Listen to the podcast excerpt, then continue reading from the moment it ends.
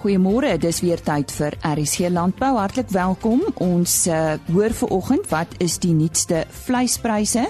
Dan in weerwaarhede praat Henny Maas en Johan van der Berg oor die weer in Suid-Afrika in vergelyking met die res van Afrika. Ons kuilvoer konsultant praat vanoggend oor kuilvoer terminologie en Sernik praat oor hulle nuutste navorsing. Bly ingeskakel.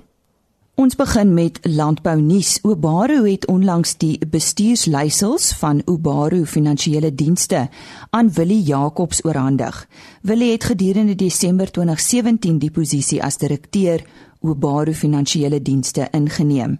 Willie Jacobs het meer as 20 jaar ondervinding in die landbousektor en was voor hy by Obaru aangesluit het, die uitvoerende bestuurder landbou-ekonomiese en adviesdienste by Landbank SA. Hy het 'n BSc in landbouekonomie as ook 'n MBA en het deur die jare aan die hoof van verskeie projekte met betrekking tot die verskillende aspekte van die landbouwaardeketting gestaan.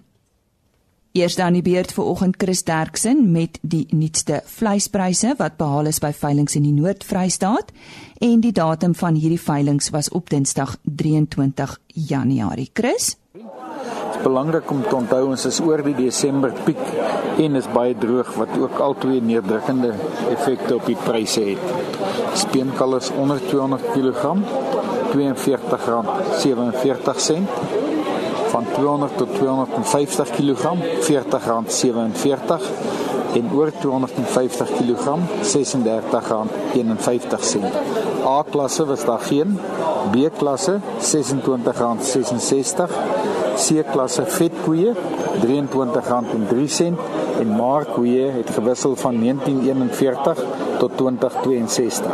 Slagbulle R24.87. En vanaf die skaapmark stoorlam R40.68, slaglammers R32.18, stoorskape R27.16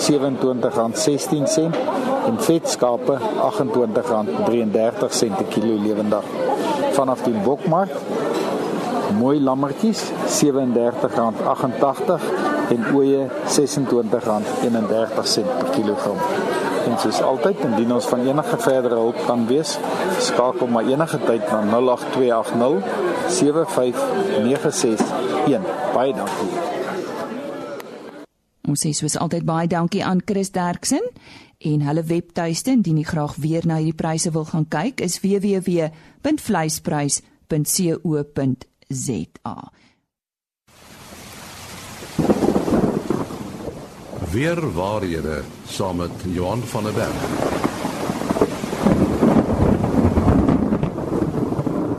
En uh, weer waarhede saam met Johan van der Berg van Santam Landbou gaan ons vandag 'n bietjie kyk na die reënval in ons eie land, die reënval in Suid-Afrika, miskien ook na 'n paar lande uh, in noord van ons hier in Afrika, Johan. Ja, as mens gaan kyk Suid-Afrika se jaarlikse gemiddelde reënval en uh, dan vat ons dit meer oor die seisoen van 1 Julie tot 30 Junie is in die orde van omtrent 470 mm per jaar. So dit is vir die land as geheel. Nou een van die probleme is dat ons baie wisselvallige reën in Suid-Afrika kry. En eh uh, die droogste jaar hier in van 1960 af was 1969-70 waar die land is geheel maar trend so by 340 mm gekry het. So ook met daai El Niño jaar van 1982-83 het ons 343 gemiddeld gekry. Uh in die ander uh, of een van die ander droë jare 1991 92 ook 'n El Niño jaar so 350 1972 73 355 en 1965 66 so 370 mm wat redelik ondergemiddeld is uh, as 'n mens daarna kyk. Uh, die natste jare in die afgelope 50 60 jaar was in 1976 uh wat ons die land is geheel gemiddeld omtrent 700 mm reën gekry het wat meer as 200 230 mm bo gemiddeld is 1974 met omtrent 680 mm en die vloedjare hier in die Vrystaat en Noord-Kaap 1988 was 650 mm vir die seisoen. Nou as jy mens gaan kyk, dit klink baie reënval die gemiddeld van 470 mm per jaar. Moet ons 'n bietjie gaan kyk hoe is dit versprei in die provinsies. En die natste provinsie waar die meeste reën kry is is KwaZulu-Natal met gemiddeld so 830 mm. Dit is gevolg deur Mpumalanga en uh, dan die derde een is Gauteng met hier so 660 mm. En ons droogste provinsie is die Noord-Kaap met so 230 mm per jaar en die Wes-Kaap met maar 370 mm per jaar. So uh in die rent is vir al die Noord-Kaap en die Wes-Kaap waar ons baie swaar droogtes het, is maar 'n droog is droë provinsies. Die ander provinsies lê so tussenin. Noordwes provinsie met so 490 mm, Vrystaat 540 mm en Limpopo met so 590 mm. Nou as jy mens 'n bietjie gaan kyk na wat in die res van Afrika gebeur en ek noem dit spesifiek want ons moet kompeteer met opkomende landbou in Afrika. Ons sien in uh, uh, uh, Zambië dat ons baie groot mielieproduksie daar kry wat ons markte beïnvloed. Uh, Zimbabwe uitstekende potensiaal daar. So Zambië se gemiddelde reënval per jaar is 980 mm. Zimbabwe se hier rondom 660, uh, Mosambiek 970, Angola 883 en Malawi 1086. So dis ons buurlande net noord van ons. So as bietjie gaan kyk na Oos-Afrika wat ook belangrike landboulande is, Tansanië meer as 1000 mm, Uganda 1160 mm en dan dink ek mense altyd Ethiopië is droog uh 735 mm wat meer as 300 mm of amper soveel uh meer as Suid-Afrika is. Uh die natste lande hier in Suid uh, van, van Afrika is Liberia met 2250 mm reën. Nou net om dit in perspektief te stel. Uh dit is 2.25 meter waterlaag wat die land kry gemiddeld. Uh dan is daar ook nog Ekwatoriaal Guinea met 2200 mm, die DRC uh, Demokratiese Republiek van die Kongo 1600 mm en Kameroen 1500 mm. En dan uh, baie van die lande het 'n baie meer spesifieke reenseisoen ook as Suid-Afrika. Ehm uh, baie van hierdie lande begin die reën omtrent klokslag op 1 November en dit eindig 31 Maart en met baie goeie reënval tussenin uh met 'n laer wisselvalligheid. Dat die meeste nader aan die ewenaar, die meeste lande is daar. As die stelsels beter ontwikkel, uh die laagdrukstelsels as gevolg van die hitte op die ewenaar, so ons kry baie meer reën uh as uh, in daardie gedeeltes en ook baie meer uh, konstant. Nou Suidelike Afrika lê in die gebied wat genoem gedomeineer word deur hoëdrukstelsels. Hierdie band wat hier uh oor die oor oor die uh, suidelike gedeeltes lê uh wat hier van Namibië tot uh, oor die Kaap is en die hoëdrukstelsel domineer die grootste tyd van die land ag van die van die van die tyd die land. En die hoë hoëdrukstelsel sê dit is uh, droë lug kans vir reën is baie swak ehm um, en die rede hoekom hierdie stelsels hierdie hoëdrukstelsels hier lê is juis as gevolg van wat op die ewenaar gebeur waar daar laagdrukstelsels is, stygende lug, baie reën en daai droë uitgereende lug word hier neergesit in hierdie hoëdrukstelsels wat ons land domineer. En die droogte wat ons tans ervaar, is juis as gevolg van hierdie hoëdrukstelsel, die Atlantiese hoëdrukstelsel wat nog verder noord lê as normaalweg vir hierdie tyd van die jaar. Uh tradisioneel hierdie tyd begin hy bietjie verder suidwaarts skuif gaan om die Kaap gaan en voer makliker vog in, maar op hierdie stadium is hy nog redelik sterk gevestig hier oor die weste kant van die land. So Suid-Afrika se landboutoestande is maar 'n grens aan marginaal in terme van die reënval en kry ons hierdie langer droër periodes en dan ook vloede partykeer, maar ons kan eintlik nie of ons ons vergelyk swak met baie lande noord van ons in terme van van reënval. Die laaste een is uh, wat nogal interessant is, ons is darem nie die droogste lande in Afrika of land in Afrika nie. Uh Egipte kry gemiddeld per jaar so net oor die 40 mm. Algerië so 80 mm, Libië omtrent 50 mm en dan ons westelike buurlande of noordwestelike buurlande Botswana en Namibië omtrent maar so 370 mm. So ons lê in in 'n in 'n swakker reënvalgebied. Dit is deel van die karakter van ons klimaat hierso en in 'n landbou uit 'n landbou maak dit nogal dat ons nie altyd kan kompeteer met selfs al met Afrika lande nie, maar ook in terme van uh, ander lande in die wêreld. Ja, baie interessant Johan van der Berg van uh, Santam Landbou daar wat gesels het oor uh, die weer, die weer in Suid-Afrika en die weer elders in Afrika. Die reëngordel daar bo in Sentraal-Afrika, is dit nie so dat uh die reën in elk geval 'n bietjie laat is hierdie seisoen nie? As jy kyk na wat gebeur met die koue fronte wat nog amper die laaste week deurgekom het, uh lyk dit asof die die hele stelsel of of alles laat is. Ehm um, so dit kan wees. 'n uh, Ander interessante ding wat ek nie weet hoe dit reageer nie is wat nou in die noordelike halfrond gebeur, die baie erge sneeustorms. Uh veral in Amerika en ek sien selfs in Sahara het dit gesneeu. Nou as 'n mens mooi moet gaan dink daaroor, uh hoe 'n yskas byvoorbeeld werk om goed koud te koud te maak. Uh onttrek dit die hitte en daai hitte moet ergens neergesit word weer. En 'n mens wonder net, en ek kyk net die inligting of dit nie ook dalk deel is van die baie warm toestande wat ons nou weer ervaar. Want die hele aarde se energie uh balans of uh, die energie moet in balans wees. So as dit een plek baie koud is, moet dit warmer op 'n ander plek wees. En 'n mens wonder net of daar nie ook 'n verband is nie maar uh, ek het nie regtig waar inligting om dit te staaf nie. Wel sê baie dankie Johan van der Berg van Santam Landbou. En daar weer waarhede word elke donderdagoggend uitgesaai met Johan van der Berg.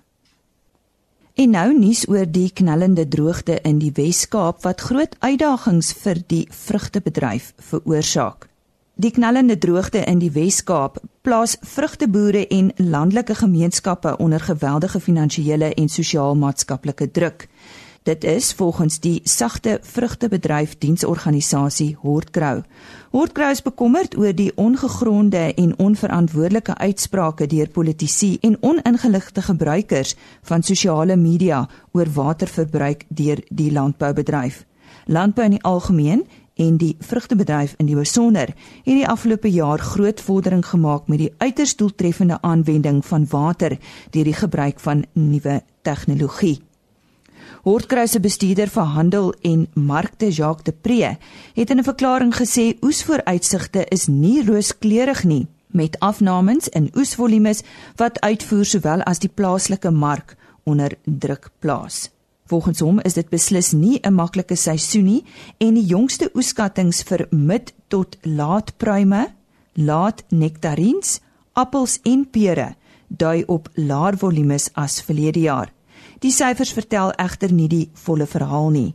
Die sagte vrugteprodusente is midde in 'n droogte siklus, so wanneer die volle potensiaal van die bedryf in aanmerking geneem word, is oeskattinge in sommige gevalle tot 25% minder.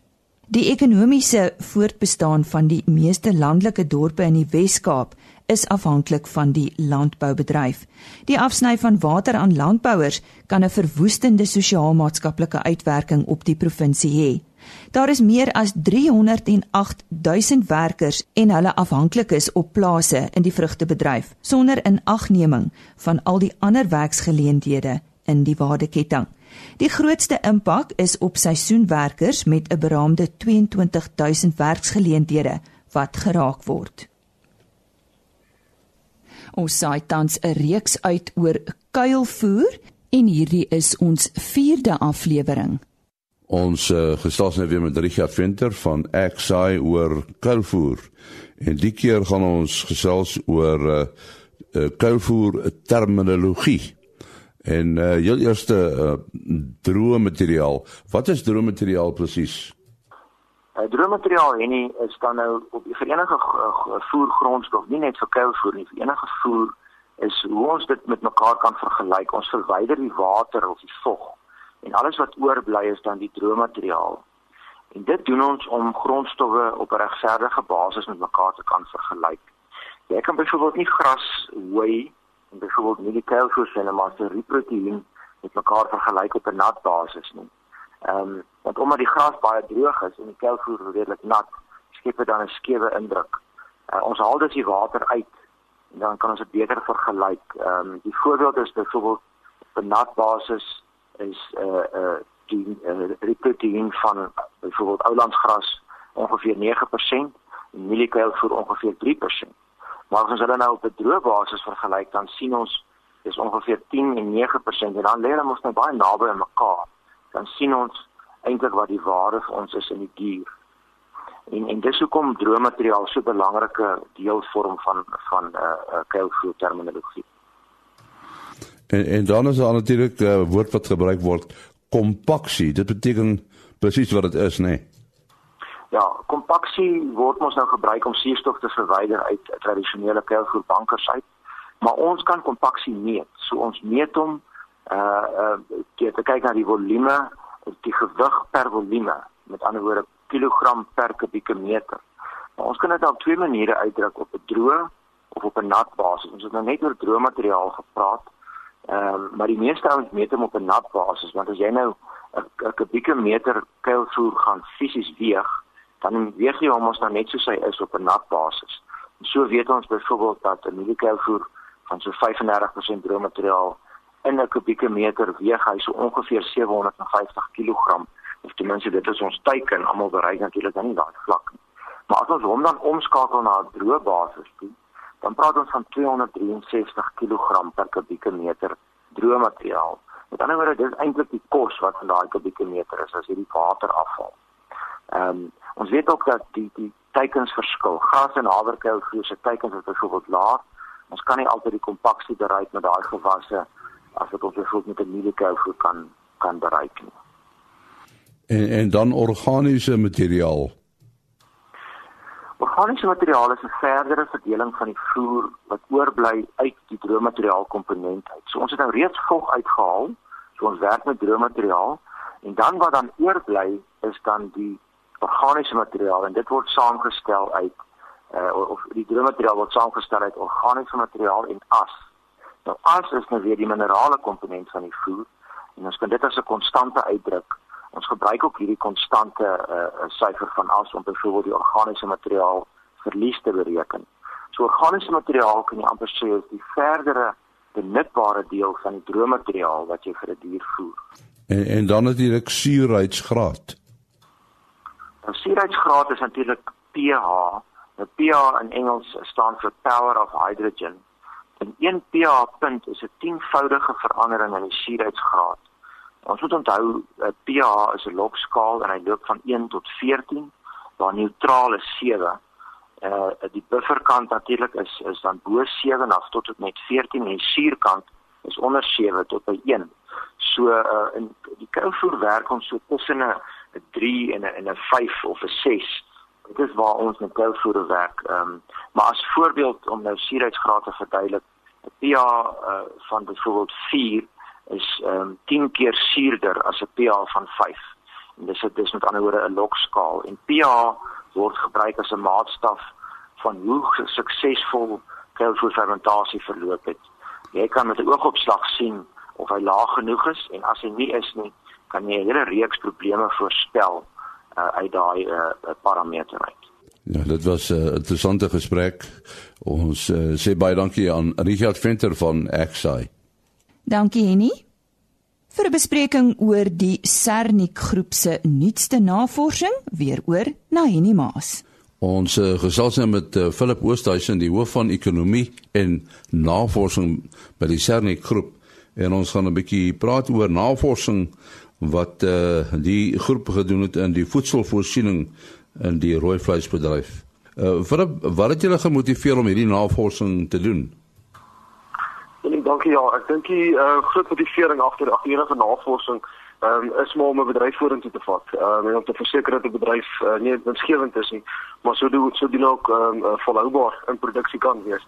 Uh, maar dit in die in die rooivleisbedryf ehm um, dink ek sal addisionele gedeelte wat wat ehm um, voedselvoorsiening is. As ons kyk na die populasiegroei ehm um, gaan met ons omtrent 25% meer voedsel produseer, 25 meer voedsel produseer teen 2025, nog omtrent 70% meer voedsel produseer teen 2050, uh, net om in die, in die vraag na voedsel uh, te voorsien, uh, as gevolg van die groeiende populasie. So ek dink dis dis nog grootendeels die die motivering agter agter enige navorsing uh, waarna ons kyk is is om seker te maak dat ons ons produksievlakke kan lig en ek dink die groot uitdaging is dat ons nog steeds beperkte hulpbronne het um, om om hierdie um, groei in in 'n produksie um, te te kan handhaaf. Uh so jy sê dat uh, die intensiewe boerdery met rooi vleis nog meer intensief gemaak moet word. Ja, ek dink verseker ons ons verseker baie spasie vir vir verbetering en om om produksiestelsels meer intensief te kry. Ehm um, dit was baie mense wat al wat al van die intensiewe produksiemetodes volg. Ehm um, ek dink ons moet gou verseker dan seker goed moet begin kyk ehm um, om om meer effektiwiteit van van hulpbrongebruik te bevorder. Uh, ons sou doen meer met minder te produseer. Ehm um, so ek dink ons verseker spasie daarvoor. Ehm um, almal is altyd in die in die ehm um, in die regte scenario vir die regte posisie om swies te kan doen nie uh, as jy so daar wat karoo boere uh, wat wat wat eintlik maar net ekstensief kan boer. So dis ook nie altyd kan nie altyd op alle um, gebiede gedoen word nie en al alle ehm um, ehm um, dan sou ons moet kyk ehm um, hoe mens meer uh, in hierdie presisie boerdery kan ingaan. Ehm um, daar almal se altyd nie in die regte posisie om dit te doen nie en die regte gebiede om dit te doen nie, maar indien dit moontlik is, gaan ons daarna moet kyk om meer effektief ehm um, ons hulpbronne te gebruik om ook so uh, produksie ehm um, te bevorder. As ons nou sê presisie boerdery, wat sê ons eintlik? Wat is presisie boerdery? Veral in die rooi vleis. Ja, dit as ons praat van presisie boerdery, ehm um, kyk verskillende industrieë dalk verskillend na na presisie boerdery. Hoe ons die rooivleisbedryf dalk uit met 'n stap vir stap definisie kan um, kan definieer, is wanneer mense uit 'n dier se oogpunt kyk en jy kyk wat is die dier se genetiese potensiaal.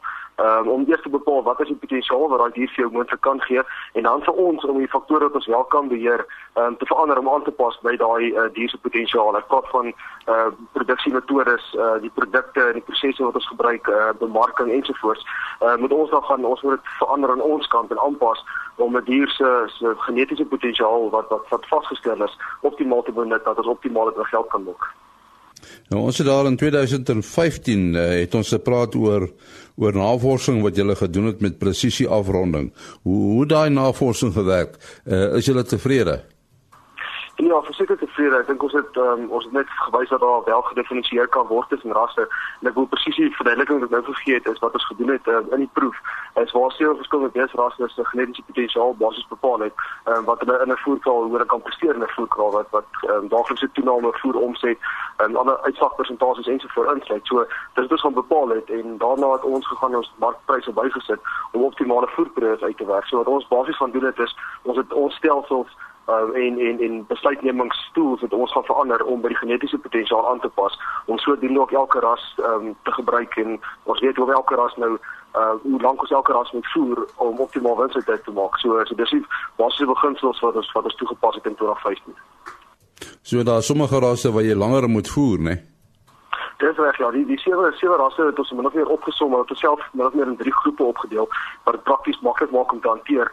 Maar ons vinnig as vinnig die resultate kyk hierdie Brahman Afrikaner en Bosmara, uh min of meer uitgekom tussen 105 en 112 dae in die voerkraal voer vir optimale wins. Dis nou die 2015 prysscenario.